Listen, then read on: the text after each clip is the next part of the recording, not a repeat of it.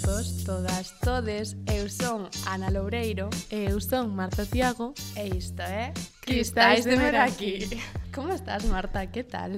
Boa, pois pues hoxe estou, estou nerviosa Estamos nun novo set que me fai ilusión dicirlo Estamos, eh, bueno, Agora estamos renovando, eh, innovando. Eh, para a xente que nos vede das redes, temos Cartéis. Sí, e tiktokers ahora. E tiktokers. Eh, temos, estamos nun sitio moi concurrido por nós. Onde estamos, Ana? Estamos eh, no sitio no que eu, eu a veces dubido se vivo na miña casa, na túa casa ou na Facom, que é donde ahora nos encontramos. Pois pues estamos eh, aquí con unha mellora de sonido increíble, nada que ver co primeiro capítulo. Pedimos perdón previamente polos problemas técnicos abundantes. E ti que tal estás? Eu estou nerviosa. Comentaba aí tres segundos que a min o estudio de radio da Facom traeme sentimentos encontrados por un monográfico, máis que nada. Bueno, uns cantos. Foron tres. Foron tres. Pero xa estou moi emocionada e moi contenta de estar aquí con todo este setting que nos hemos montado. Ademais, o tema de hoxe gustame moito. Sí, a verdade que temos un tema moi guai. Eh, xa dicíamos, ou adiantábamos no primeiro cristal do, do de Belén, que iba a ser sobre un dos temas que estábamos tratando, pero que creemos que merece un meraki propio. E que tema é? Adolescencia. Pois nada, antes de empezar a falar da adolescencia, Reyes, pon a careta. Cristais de Meraki, con Ana Loureiro e Marta Tiago, un podcast tarde, a cachos, pero con moito amor. Bueno, pois adolescencia, que é a adolescencia? Cando empeza a adolescencia? Que hai antes da adolescencia? A infancia. Vale. Eh, e como foi? a infancia. Ai, por favor. Eso é outro, eso é outro episodio distinto, Marta, non me líes. Eh, foi... A inf... Eu creo que a infancia condiciona a adolescencia no sentido de que, bueno, mm, científicamente demostrado, a infancia é un dos períodos formativos das persoas. Uh -huh. entonces evidentemente, pois a, o tipo de infancia que teñas e como a vivas vai a condicionar como chegues á adolescencia e como vivas a adolescencia. E como chegastes ti á adolescencia? Más sola que la una. Por? Ah, bueno, pues porque... Eh... Uf, eh, a ver... Eh... E creo que ten que eu faga guión, que ahora teño control. eu normalmente veño sin guión, e hoxe traio cuatro eh, palabras mal escritas, pero es un guión. Sí, estou moi orgullosa do guión. Bueno, a lo que iba. Para mí a infancia foi un período complicado porque no era yo la niña máis popular de la escuela. Non era a niña de la escuela? Mm, no. Entón, eh, sí que é certo que eh, como que moitas habilidades sociais tivenas que aprender na adolescencia, que é unha etapa na que supón que entras xa con algo sabido e que cando entras sen coñecementos previos poden te putear bastante. Cando entras sen con coñecementos previos. Claro. Cando che falta esa formación social interactiva eh... E, can, e, o sea, e cando entras? O sea, eh, a que edad cuantitativa entras eh, na adolescencia? Eu ríxome moito polo libro de bioloxía e eu entrei na adolescencia en primeiro da ESO, con dos añitos, porque, o sea, cre creo que entre ESO e primaria sí que hai unha, unha diferencia bastante trascendental en na, pois pues, na maneira na que te relacionas, na maneira na que convives cos compañeiros e demais, e no meu caso particular, en primeiro da ESO houbo un cambio moi trascendental que foi que eh, unha persona que estaba na miña infancia que lle facía moito mal a miña infancia e que implicaba esas dinámicas de eh, illamento eh, desapareció.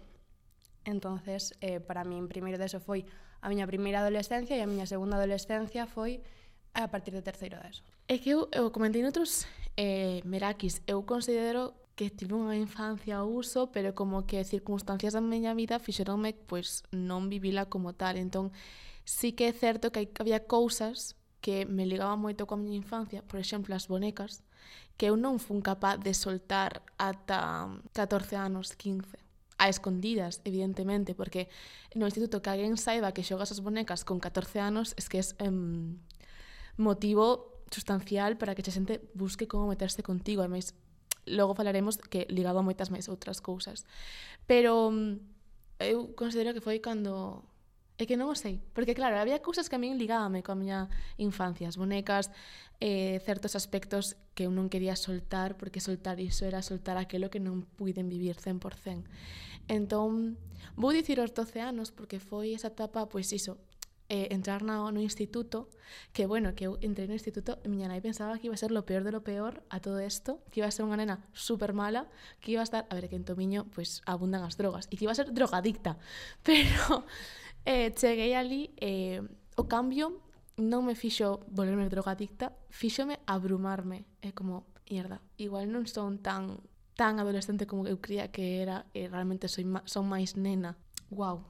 Entrar no Insti foi unha etapa no que é moito do que falaremos despois, que moitos medo, moitas moitas inseguridades, moitos medos afloreceron que eu sabía que, que tiña aí e que afloreceron, pero vamos, a, a mil.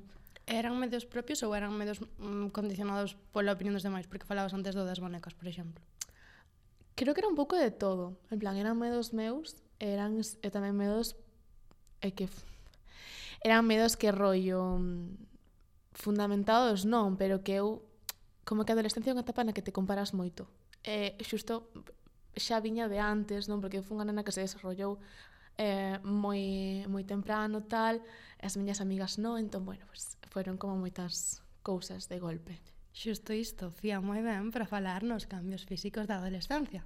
É que, claro, non estive na adolescencia ao uso. Eu desenvolvíme, pois, xa cando iba en cuarto de primaria. Eu andaba cos meus tops de ranitas monísimos e xa andaban de cuarto de primaria. E claro, e xa era un proceso que viña cargando desde moito atrás.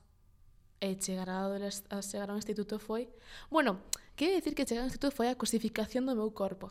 E foi o momento no que di, me din conta de como a túa, o teu aspecto físico pode condicionarte bastante. Non sei se... En ambos sentidos, porque a mí pasou o contrario. O sea, eu desarrollei moi moi tarde, estou ainda en proceso de crecer, me faltaron petit suises, como que che condicionaba, o sea, supoño que che condicionaba ao revés, cosificaban, cosificaban te a mal, en plan de la tabla de planchar. Xa, xa.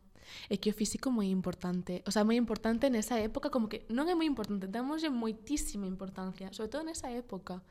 Porque eu acordome en primeiro chegar, había unha lista de las niñas de clase de la 1 a la a 10, eh, e eh, cal, cal, cal estaba máis buena.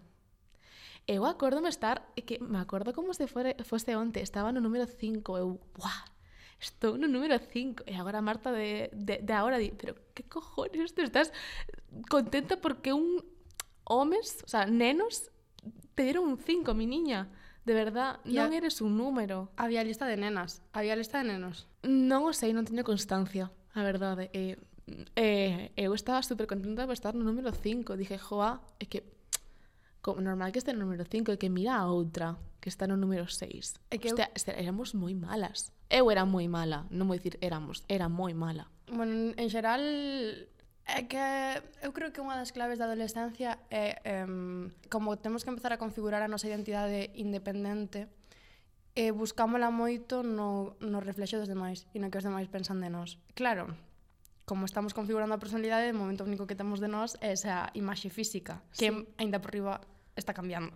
O sea, non sei, eu paséme creo que toda a miña adoles miña adolescencia non, porque considero que a miña adolescencia acabou hace relativamente pouco, creo que todavía sigo nun, nun proceso de que, eh, vida adulta porque non quero asumir que en dous días cumplo 21 anos, entón claro. A min o aspecto físico condicionoume moito, e condicionoume moito a min na forma de relacionarme co resto, en parte o resto na forma de relacionarse comigo, porque claro, nesa época pois pues, eh, que unha nena fose gorda era motivo suficiente para meterse con ela para... Ademais, eu tamén tiña os eh, dentes torcidos, entón era a gorda dos dentes torcidos, sabes? E crecín así ata que me puxeron aparato e cando me puxeron aparato arreglei os dentes e seguía tendo un motivo físico máis polo cal eh, avergonzarme. Pedía, eu pedía que os rapaces meteranse comigo en plan por mi culo, por mis tetas para buscar de unha maneira a súa validación e a súa atención. Mi niña, eh, eres lista, eres graciosa, ¿qué más quieres? Quiero decir, ¿eh, ¿qué quieres? O sea, ¿Qué quieres más? Ya. Eh, tiñas moitas inseguridades na adolescencia? Sí. Eh, propiciou moito a, a forma que de relacionarme co resto porque eu, eh, e ti tamén podes falar moi ben diso, tiña 25.000 personalidades a cal era adaptable a la persona con la que me estaba relacionando. Eu solamente quería gustar, pero quería gustar porque quería encaixar. Eu creo que este era o, o meu o meu mindset era gustar a los niños y encajar con las niñas. Ese era mi ese era mi propósito en la vida. Hasta que descubriches a bisexualidade. Así. Pero bueno, em, a mí o que me pasaba é que eu antes tiña moitísimas máis inseguridades físicas, que algunas se mantienen, pero eh, sí que é verdad que na, na adolescencia tiña menos inseguridades de personalidade, porque como non tenía... o sea, me explico. Eh, esto que dis de varias personalidades e tal, que tamén o comentábamos un pouco con Belén. Volvemos ao mesmo. Etapa cambiante, queres encaixar, queres gustar. En por encima, non coñezo ningún instituto no que non haya grupitos, non coñezo ningunha serie, película ou que sexa na que non se reflexen esos grupitos como grupitos guais, os pardillos, los non sei que. grupito? Eh, no. a ver, si, sí, eu si, sí, eu si, sí, eu si tiña grupito. Foi un grupito que foi É que non era grupito como tal. Primeiro porque eh, por motivos de la vida eu acabeime levando mm, moito con eh, Rebeca, Rebeca, un besito, te quero. Vale, eh, que pasa? Que era máis maior que a min. Entonces, eh, como que o que configura os grupos eu creo que a clase e o recreo e eu o recreo sí que os pasaba todos con ela entonces non cheguei a sentirme nunca parte dun grupo mm, durante a miña adolescencia sí que fun tendo amigos, que fomos como conformando unha especie de mini pandilla moi reducida, e aí estábamos, e tampouco tiñamos moito en común, nada, para ser exactos, pero nos queríamos. Pero que isto falaremos noutro Meraki, pero igual era unha relación basada na necesidade. Non te digo que non. Pero bueno. Aí estaban. Aí estaban. Eu sí tiña, tiña grupito, sí que tiña grupito, pero... Bueno, espera un segundo, perdón, eh? Huelga decir que non éramos los guais. Ya está, continúa. Era necesario eh, recalcar el yo eu si tiña, eu si tiña un grupito que foi variando moito. Eu non empecé coas mesmas persoas co, coas que terminei, o sea, coas que acabei. De feito, eh, mudaba moito por, por esa necesidade de encaixar. Cando sentía que non había forma de encaixar, cambiaba. Eh, pero bueno, creo que foi cara ao final de final da, da ESO, principios de bacher, que sí que encontré os meus amigos eh, bueno, a día de hoxe pois temos unha relación pois eso, de amigos da de, do insti, pero eu pois, pensei que tiña un grupo cuantitativo e cualitativo tamén, eu non me sentía parte de nada. Pero eu creo que aí emerxe esa sensación de querer encaixar. Tanto buscas querer encaixar que non encaixas ningún lado porque non porque estás tan obcecada en buscar o teu sitio que non te das conta que igual o teu sitio tes aí, pero non estás valorando o suficiente. Claro, e aparte é moi complicado encaixar nun grupo cando ti mesma estás... O sea, o que dicíamos antes, non, das, das personalidades. E que eso, se non o vives, é moi difícil de entender, eu creo. Porque é que literalmente eres personas distintas con... O sea, eres unha persona distinta con cada relación que sí. estableces. E eu eso noto moito nun aspecto tan sinxelo como que hai xente que considera que eu son super extrovertida e hai xente que a que lle estranearía escoitarme falar. entonces é como esta disociación tan heavy eh, é, é normal que non encaixes en ningún sitio porque non eres ti en ningún sitio. Que intensas. Bueno, cuéntame anécdotas do instituto. Eh, anécdotas, vale. Falabas antes do da lista de la máis guapa e la máis menos guapa. Sí. Vale, nós eso non tiñamos. Gracias, Jesucristo. Ou, bueno, se tiñamos, yo non me enteré. Gracias, tamén. eh, o que si sí teñamos era eh, unha actividade do instituto semi obligatoria, o sea, non era obligatoria, pero como pero que sí. sí era obligatoria. Pero sí era. Que eran as tarxetas de San Valentín, que se facían moitos institutos, eu, eu sei que é unha experiencia compartida. Sí, bueno, eu tiñas de Nodal, de San Valentín non había. Gracias, gracias, porque gracias. Eh, Eu hai que, que conste que houbo dúas etapas a etapa de mm, mierda, todo o mundo ten tarxetiña menos eu e a etapa de eh, mm, vou a eh, sobreexplotarme vou a facer do it yourself con ocho vídeos del Art Attack e vou a facer unha tarxeta de San Valentín para todo o mundo. E me puse a hacer tarxetas de San Valentín para todo o mundo. Para toda a clase? Bueno, máis ou menos. No, hubo excepciones. Pero, mm, pero sí. E E que conste que aquí viene a la parte, el plot twist, no quería hacer esas tarxetas. O sea, es mucho trabajo. Quiero decirte, hacer 21 tarjetas de San Valentín a gente que con la que no te hablas, hombre. Sí, o sea, eu facía as tarxetas en plan, quéreme. que non, o sea, aí estaba. Esa es una anécdota, un poco triste ahora que lo pienso. Bueno. Sí. Más anécdotas así, más alegres. Venga, cuéntanos la anécdota de la regla. de Ah, este bueno, esa es moi buena. Esa, esa, esa gústame. Esa demostra que hai persoas boas que non parecen boas. O sea, a ver, a ver. Dentro dos grupitos, como que todos temos moi presente el grupito de los malotes, ¿no? Tenemos os pringaos, que Y- falamos, Los, os malotes eran como esta, esta caste. os guais e os malotes. Claro, que os malotes nunca eran os guais. No, pero eran os malotes. Eran os malotes. Os malotes son como este ente que repetiu catro veces tercero de la ESO, que eh, fuma para hacerse el chulo, que... Eh, Que vende droga para hacerse el chulo también, quiero decir. Sí, todas esas cosas. Que viñemos de, de Mela vende Caldas o Veño de Tomiño, zonas que- concurridas por la droga. Eh, vendían, Vendían sustancias. Y ofrecían Sí, también. bueno, total, que un chavalito, dos malotes, cando a mí me veo a regla, Evento traumático para todas las mujeres. No conozco una que no tenga una historia al respecto. Traumático, la verdad. Eh, claro, eh, eu non, nese momento de mi vida non teña moitos amigos. Entonces estiven eh, moito tempo dese día sin enterarme de que me chegara a regla, con lo cual eh, llegó un punto en el que mi pantalón parecía mm, una peli muy mm, moi mala. un Bloody Mary. Un Bloody Mary. A única persona que se achegou a min a decirme, a darme unos toquecicos en la espalda y decirme, mira mi niña, yo te aviso de lo que está sucediendo. Ve a casa. Vete a casa, corazón. A. ¿Tú, tú escuchas los susurros? Son por ti. y eu nese momento, o sea, claro, traumático por unha parte, pero por outra, que a única persona que se achegara fora dos grupos, do grupo dos malotes que veu a protegerme. É que a min pásame que os malotes eu sempre, o sea, É normal que miña nai pensase que iba a ser drogadicta. É que eu sempre estive relacionada cos malotes no sentido de Marta era a típica niña buena, estudiante, eh, de dieces, tal, Por que non vamos a delegar su, mi trabajo como profesor e vou a sentala con eles e que se poñan a, a enseñarlle os valores da vida? Señora, tengo 12 años, non, non, non, non sei nada. E a mí sentábame sempre cos malotes porque tiña un afecto sobre eles debe ser a miña pesadez ou debe ser que son acuario que conseguía que pasasen dun 1 a un 3 que tampouco é... a veces aprobaban pero bueno. E aí gracias a, a, ao colexo desenvolvín esa faceta de, de nai de querer cuidar o resto. E, e os malotes sempre estiveron na na miña...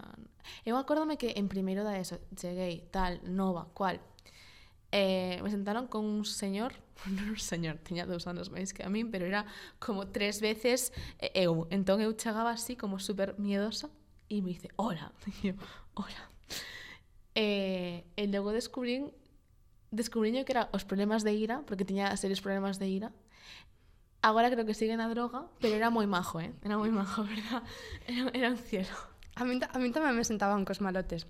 Aparte, había un efecto que nunca comprenderé, que me sentaban cos malotes na última fila. Sí, me pasa. Eu era miope. Eu claro, eu que iba a decir, nós temos gafas. Quero dicir, pois, pues, por favor, ponme na fila adelante. Pero sí, en realidad os grupos non tiña moito sentido. No, pero condicionaba moito. Quen escollas popus? Non sei. Dios? No. eres tú? Eh, porque, porque si eres tú... Eh, vou decir que, a, a, aquí, repito, aquí das dúas que creen en Dios, non eres ti, Marta. Pero sí, o sea, eu creo... Bueno, en Caldas as papos tiña moito que ver coa súa eh, capacidade adquisitiva, digámoslo así. Mm. E... Mm, Moi clasista los de godos, eh? Sí, un pouco. Pasar cuatro pelagatos, un poco clasistas. Bueno, chica, eh, hay, tiene su Pues eso, somos cuatro pelagatos que nos gestionamos muy bien El dinero. el dinero y otras cosas. Bueno, eh, eu teño unha historia cas popus Cuenta, cuenta. que non sei se sabes en realidad. No. Non lo tengo claro, ¿eh? En adolescencia, recordemos, todos somos personas complejas, que sirve muy bien para también fiar lo de que somos buenas y malas personas a la vez. Vale. Em, nós tiñamos pues, el típico grupito de WhatsApp de clase que tienes. Que en esos grupos de WhatsApp, no sé, yo creo que hay policías infiltrados mirando el panorama porque ahí se dicen unas cosas y unas barbaridades horribles. Total, que tiñamos ese grupito de WhatsApp e eh, de repente empezaron a chegar uns mensaxes sospeitosos de terceiras personas que non eran da clase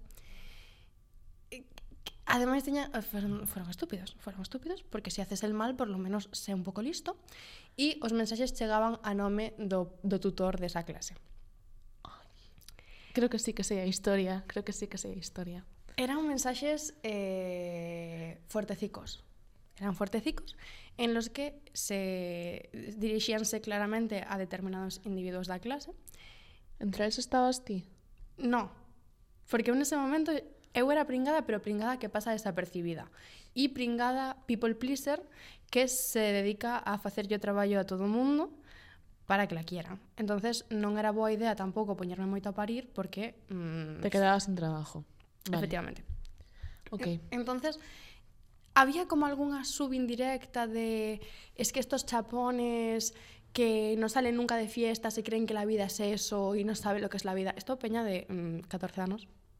É que as edades son outra cousa moi relativa, pero bueno, ya entraremos. Total, que se enviaron estos mensaxes.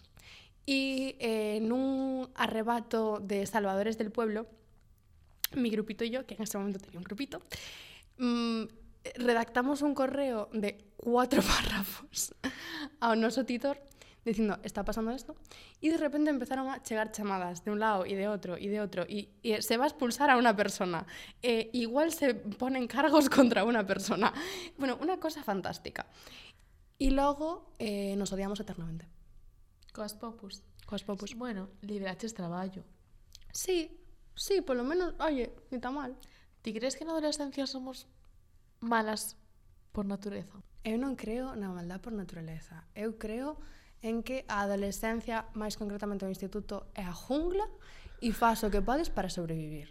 Eu creo que sí que era moi mala persona. Eu creo que mala persoa no... Bueno, sí, mala persoa de, de narices. Eu era super ademais de mala, tóxica, en plan unha perra tóxica. A ver, igual, igual tamén é certo que digo, si mala, si perra, si tóxica. E agora digo, bueno, no, igual no tanto. A ver, no, eu considero que sí que era moi partícipe de de la mm, como que de, de que houvese tantas diferenzas, sabes? Uh -huh. Como que cando non faz nada, eres parte do problema, pero tamén cando faz algo es ir de guai en plan, oye, cariño, que tal te va, non sei que... E sabes que esa persona es un asco de persona, e non yo dis, eres mala persona. Eres falsa. Eres falsa. Yo era moi... Sí, vale, sí, yo era moi falsa. Yo era moi falsa. Pero sabes por que eras falsa? Porque eras unha people pleaser. Era asquerosa. Quero decir, yo, eu a día de hoxe penso... Eh, Nas veces que he sido eh, people pleaser, y es que menos mal que empecé no psicólogo, ¿eh? porque es que de verdad, como seguise con esa dinámica, es que acabaría odiándome eternamente.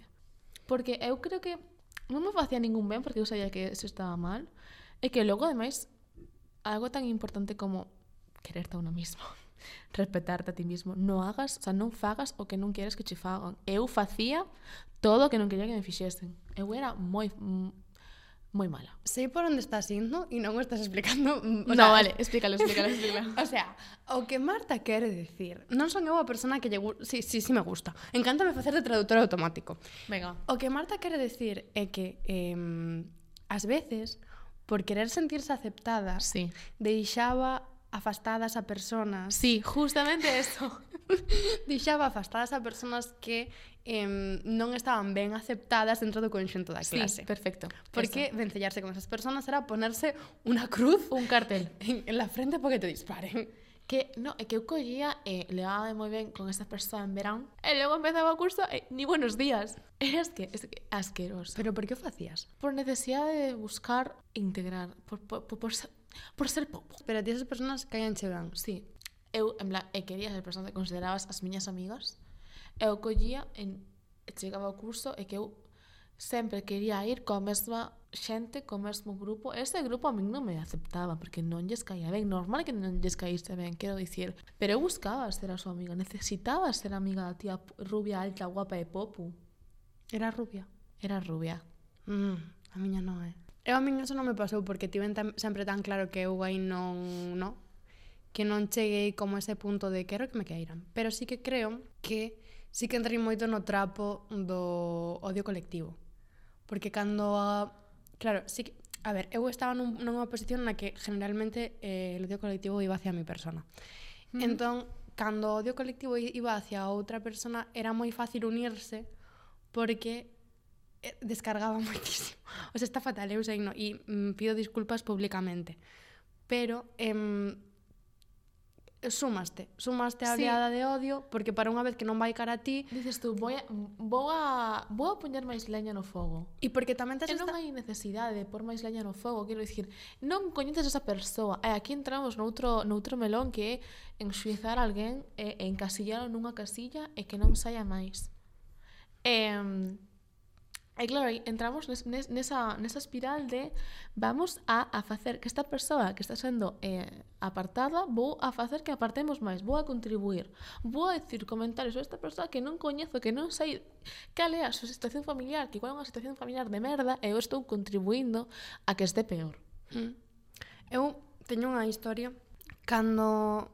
Bueno, eu en terceiro de eso cambiei de instituto outra vez, porque, bueno, cambiei moito de coles.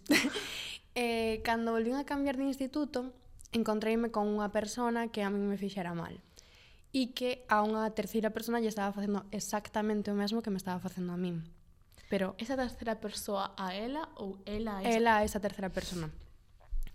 E eu eh, durante moito tempo, moito tempo digo che, eh, igual un ano, un ano e medio, eh, como que ninguén creía que esa persona lle estivera pasando, o sea, a ver, Tenemos la persona A, que le está haciendo algo malo a la persona B e que no pasado esa persona A fíxeme algo malo a mí. Sí. Vale, que é o mesmo, é a mesma dinámica. É unha dinámica moi moi sutil porque é difícil é difícil ver que está pasando algo malo. Ninguén lle creía á persona que lle estaban facendo mal e eu sabía, eu sabía que tiña que ser verdad porque era como o viviches. Claro, eran eran uns patróns moi moi parecidos aos que vivira eu. E por eh, por puro terror Porque era terror puro no y duro. No nada. Me quedé callada como una puta. No digas eso. Me quedé, o sea, no fixen absolutamente nada ata que eh, o presenciei. E aí non che quedou outra. E aí non me quedou outra. Porque se non o chegas a presenciar, igual non dis nada. É que eu estaba moi asustada. A mí esa, o sea, genuinamente teña moito medo. E cando vin sí que foi en plan, vale, hai que facer algo, porque no, no. E hai que facer algo a nivel eh, profesorado, que era algo que comentábamos tamén outro día, en plan, hai que informar al claustro de profesores de que está sucedendo algo que non debería estar sucedendo e hai que darlle apoio a este chavalín que cree que está eh, loco perdido. E non está loco perdido, está mm, siendo gravemente mm, Sí. acosado. e, e en realidade, consello para si algún adolescente nos está escoitando e tamén ten medo o que sexa. En realidade creo que, aínda que esa situación non a sanei de todo, só puiden empezar a sanarlo cando fun capaz de axudar a este rapaz e foi en plan eh, literalmente enfronteime a unha persona que a mí me fixera mal. O que non fixetes por ti antes, estás facendo por outra persoa, ao final de cabo estás reconciliándote con Miliana. Correcto. De alguna forma. Eu sabes que me sentí mm, un fraude Por porque eu era unha persoa eh, moi, pois iso, o que dixen antes, mm, que veía que había odio colectivo, eu sumaba a mesa de colectivo. E sabes onde me meteron? Porque pensaban que era boísima persoa, era unha alumna 10 no equipo de mediación. Eu era mediadora. Era unha farsa todo o tempo, eh?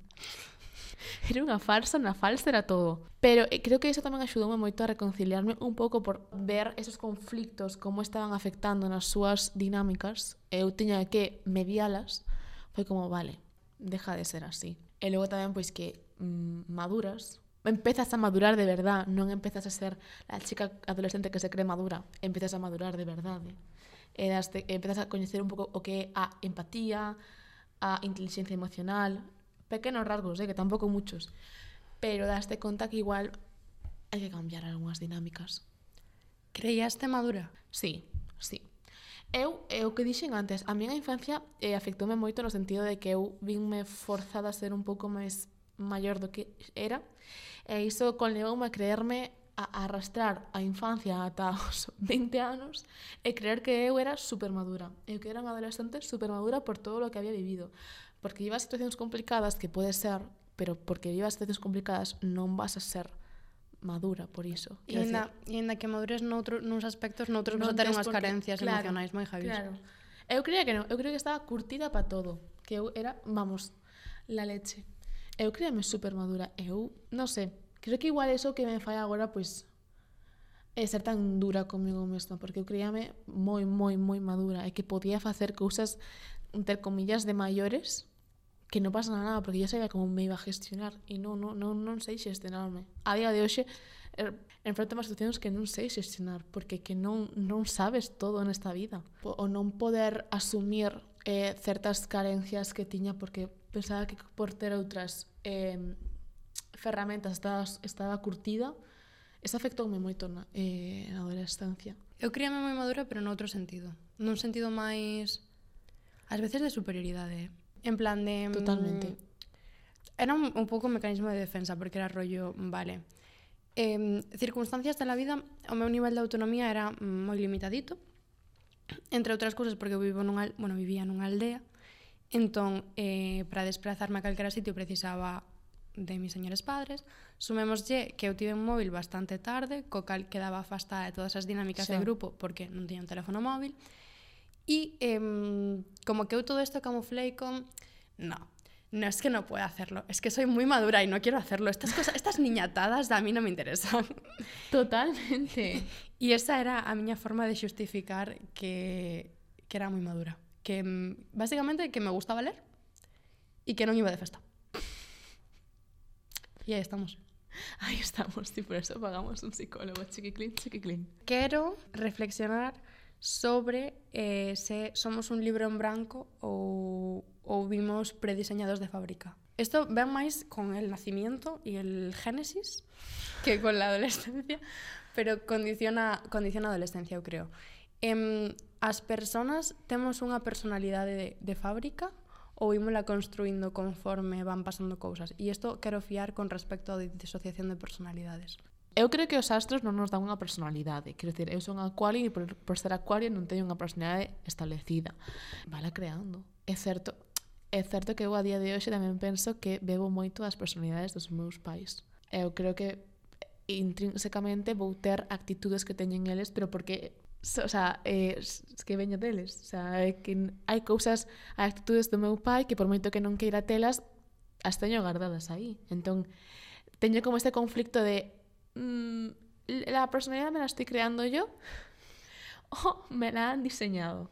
Claro, eu vivo un pouco a eso, porque eu non sei ata que punto non hai rasgos que están intrínsecos, porque eu a día de hoxe eu podría dicir que son unha persona extrovertida, creo, tampouco lo tengo moi claro. Uh -huh pero eh, bueno, algo que é algo que falamos mil veces. Eh, durante moito tempo anulei ese rasgo e eso foi o que provocou unha das desaxencias sí. de personalidade máis heavy que vivín a finais da adolescencia, a principios do da carreira. De, sí, somos adultos na carreira, non sei, hai que hai que decidirlo. No. no. pero sí, eh, eu creo que sí que hai cousas bueno, igual no de fábrica, pero igual cousas que aprendemos como moi moi de maneira inconsciente, que non é tanto por situación, senón por por cousas o que ves ou así. Bagaje, sí. sí. E e mm, creo que sí que hai elementos que condicionan moito que non escolles ti que condicionan a túa a túa personalidade e a túa adolescencia. Ti crees? Sí. Eu creo que eu creo que hai moi poucas cousas que escollamos nós. Eu non escollín, eu sei que falaremos no episodio dos amigos, eu sei que moitas veces non escollín os meus amigos, eu sei que moitas veces non escollín as, a miña personalidade, eu sei que moitas veces non escollín, eu non escollía sentirme adulta e madura. Pero non te pasa que ás veces daste conta de certas actitudes, o sea, ti faz unha actitude que crees que te es intrínseca, o sea, uh -huh. actúas dun xeito porque che nace, logo daste conta e dis, é que eu non actuaría así. Sí, pero a min é o único que fai xenerarme culpa. A mí me xena, xenera un sentimento de ata que punto eh, teño eu autonomía sobre, sobre quen son. Quero decir, eu, como dixen antes, durante parte da miña adolescencia e parte tamén da miña infancia, por supervivencia, tiven que crear mil personalidades xa dende moi pequeno. E agora encontro que estou nunha, nun proceso e doume conta que non, o sea, me pregunta, quen eres? Non lo sé, non lo sé. Non, non sei que Marta escoller hoxe. E ás veces de non pois, saber que Marta escoller e que entro nun bucle de ata que punto podo sair do meu ser, volver a entrar do meu ser, se non teño ser. Se non teño unha estructura que me diga, vale, Marta, ten estes, ten estes valores. Que valores? Con, que, con quen ten estes valores? Que filosóficas estamos hoy. sí. Es que non podo máis. Vale, eh, quero mm, poñer un pouco puntito positivo, por si acaso. Porque precisamente o que falábamos con Belén no episodio pasado era que non se deben demonizar as etapas. Que era guai da adolescencia? Mira, antes falábamos do grupo de amigos. Eu creo que agora teño unha relación cos meus grupos de instituto que é unha relación típica de cando deixo o instituto. Excepto con X persoas coas que teño eh, a sorte de poder estar totalmente ac activamente en contacto con elas. Eu creo que son... Eu creo que, o sea, non quero tampouco cargarlles eh, a eles nin a parte negativa nin a parte positiva porque é a miña vida. Pero sí que é certo que mm, eu creo que as experiencias que vives con os, cos, cos teus amigos, o sea, no meu caso, cos meus amigos, sempre quedarán nun recordo. Que bonito. Verdad? É que conforme hai un grupo Eu creo que, bueno, falaremos posteriormente. Hai como o grupo de amigos que fas no Insti, o grupo de, amigo que, de amigos que fas na adolescencia, para ben ou para mal marca, marcante moitísimo. Sí. E, e eu creo que sempre gardas, vas a guardar un recordo medio o sea, positivo desa xente de algún xeito porque estiveron literalmente vendo ese proceso no que pasabas de ser un neno a intentar descubrir hmm, a onde vou? É que as, moitas primeiras veces son con eles. E entón sempre van a estar relacionados con pois eh, cousas en plan experiencias ps, canónicamente propias da adolescencia que vives con eles por primeira vez, pois primeira vez que saes de festa, a primeira vez que te enamoras, a primeira vez que tal, sempre os vas a ter, ter antes a eles, a elas eh, no, no teu recordo que o propio momento en sí porque igual o momento non sería igual se non estivesen eles. Total, total. Igualmente, creo, non sei por que me vou agora este flash, creo que a xente na adolescencia eh, incluso xente do teu grupo, eh? hai que ter cuidado porque ás veces eh, mentimos un poquito para hacernos los chulos. Entonces, eh, pode ser que eh, ti penses que estás facendo algo super tarde, vexase, pois, eu que sei, o primeiro bico ou que sexa, uh -huh. e que en realidade non... O sea, é unha falsa creencia que todo o mundo xa o teña feito, ti non. E creo que na adolescencia os tempos son moi distintos e cada persona ten uns tempos moi particulares. entonces igual atopas, pois eso, a unha persona de mm, 14 anos que aínda está xogando cas bonecas e outra persona de 14 anos que está mm, nas gradas del pueblo facendo o botellón. De feito, non é que me des igual, é que como que as non endiosada, pero así como, ah, pois pues eu tamén quero pero eu non son capaz. Sabes, non era unha cu cuestión de todo, todo o que falaba antes, todo o tempo fixándose no resto, a ver que facía o resto para ti facelo e así poder buscar o que era o canónico e ti cumplilo. Hai cousas que non o conseguín, o sea, conseguín, quero decir, o meu primeiro bico foi moi moi tarde, moi tarde canónicamente, non foi tarde como tal, quero dicir, cada quen se bic, bic ten o seu primeiro bico tamén debemos deixar de darle tanta importancia a, esta, a este momento porque non es nada máis nada menos que dos personas juntando sus labios, ya está. Pero sí que é certo que que non me preocupou, o sea, non me preocupou. Bueno, a mí, a mí depende sí, del día, es ah. verdad, a, depende del día, non é ser falsa, a, depende del día. A mí sí que me preocupaba, pero preocupoume ata que me din conta de que non era, o sea, eu Igual incluso acelerei procesos porque pensei que todo o mundo xa estaba como pasadísimo de rosca e era mentira, era unha falsa creencia. Sí. Eu, eu intentaba acelerar procesos e non era capaz de acelerar procesos, se me puña máis trabas e me dije paso, ya está, non lo vou a intentar máis. Eras moi autónoma. Tiña unha falsa autonomía, porque eu nese, nesa etapa tamén estaba nun proceso... Eh, turbio a nivel persoal entón eu creía que era eu nece, non é que non é que fose autónoma, é que literalmente evadíame de todos. Marta non existía, en, o sea, por exemplo, na casa Marta non existía. Marta eh, non estaba a súa bola, non, es que Marta non estaba. Estaba encerradita en súa habitación e nadie sabía dela. Eu creía que era moi autónoma. No, realmente, cariño, estás huyendo porque non, te, non podes ni contigo misma. Falamos moito da adolescencia no instituto, pero olvidámonos de que a adolescencia tamén se pasa na casa. Sí. Pasamos ya a outras personas para ser máis exactos.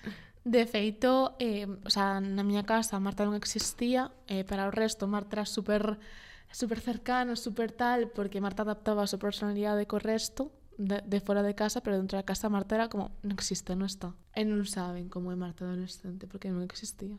Sí, bueno, gritaba, era conflictiva e lloraba. Esa era Marta adolescente na casa. Moi canónico. Moi canónico. Moi canónico por, la tu, por tu, para a tua parte. E como era Ana adolescente na casa? Claro que a miña casa para min sempre foi como sitio seguro, oasis mm. -hmm. e todo isto. Influía moito que eu teño dous irmáns máis maiores que a min. Entonces, eh, a Ana adolescente na casa seguía sendo moi nena. Eu creo que non ten moitos problemas, a verdad. Porque o meu, a miña configuración mental sempre estaba feita para non molestes. Claro. Se silenciosa, molesta lo mínimo posible, ya bastante follones aí. Entón, ese era o mindset. Entón, a Ana adolescente da casa era bastante, bastante nena todavía, pero sí que tiña como... Pois era guai, porque o ter os dous irmáns maiores, claro. levábanme con eles, e iba as súas cousas e tal. Entón, eso como que sempre axudou.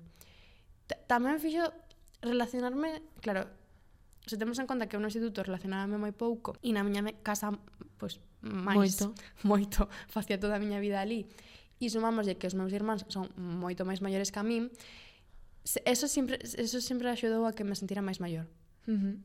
que igual era unha falsa concepción pero sí que é verdad que igual eh, como que um, aprendía cousas ou vía cousas antes que, que o resto.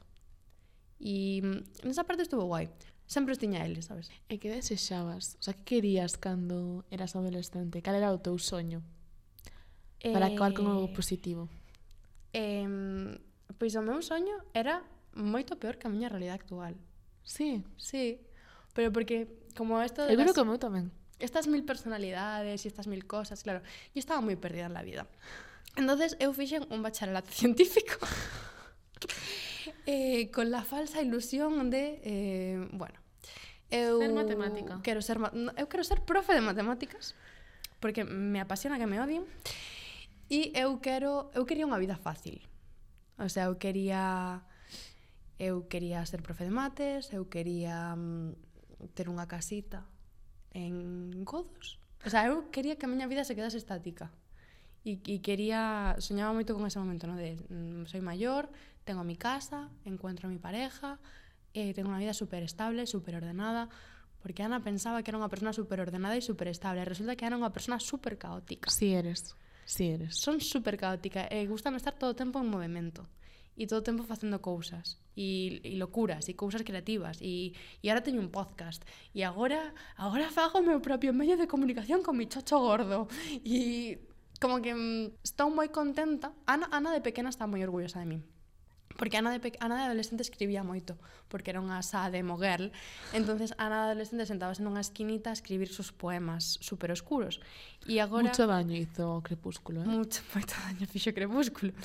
E agora Ana, eh, de pequeñita, eh, mira a Ana de maior, bueno, Ana de adolescente, mira a Ana de maior e di, amo, molas. e estou moi contenta por Ana de adolescente. Que guai. Te toca. Eu adolescente sí que é certo que agora non me esperaba tantas cousas, pero sí que está moi fía, o sea, pesa as mil personalidades que, que de feito eh, as miñas mil personalidades casi fan que non acabe aquí. Quero dicir, eu iba a facer traducción e interpretación, logo iba a facer educación social, logo eh, filoloxía inglesa, bueno, iba a facer moitas cousas. E eh, ningunha. Política tamén, bueno, cositas. Pero eh, eu sabía que iba, o sea, a meu propósito de, de Marta de adolescente eh, na súa habitación encerrada e a Marta de agora ten o mesmo propósito que facer algo para que a xente disfrute. Bonito. Sí. Ahora non sei se en radio, reportajes, podcast o que sexa, pero sí que é certo que eu quero eu, eu sempre fun como moi moi do moi, moi do público. Que guai. Fixe moitas cousas, demasiadas cousas e moitas relacionadas con iso, con con ter público. Creo quero facer un último inciso. Eh, a nada adolescente soñaba con estar ben e con ter un grupo de amigos que quixeran. Sí. E Ana de Mayor lo ha conseguido. Pues nada, hasta aquí. Espera, espera. Ah, vale. La recomendación. Ah, que recomendas hoxe? Eh, hoxe recomendo un libro que se chama Crezco, que agora mesmo non me sei o autor. É un, un libro un pouco chungo, final da adolescencia máis bien, eh, se si lo vais a ler porque é así como bastante oscuro, fala moito da adolescencia, fala do proceso de creer, fala, bueno, fala dun rapaz americano que tiene moitos problemas e está crecendo en medio do caos e as drogas, pero está moi guai o libro, é moi moi bonito e moi recomendable. Que guai. Pois eu estou lendo un libro moi típico, moi de That Girl, que é todo o que se sobre o amor, de Dolly Alderton. E aún non acabei, pero do que, do que levo gusta moito, eu creo que a miña recomendación é esa. Pois agora sí que podemos fechar o capítulo. Pois a, ata o próximo capítulo. Agradecimientos a... A eh, Reyes e a la Facom tamén. e a vos. Así que un biquiño. Hasta a Vémonos. semana.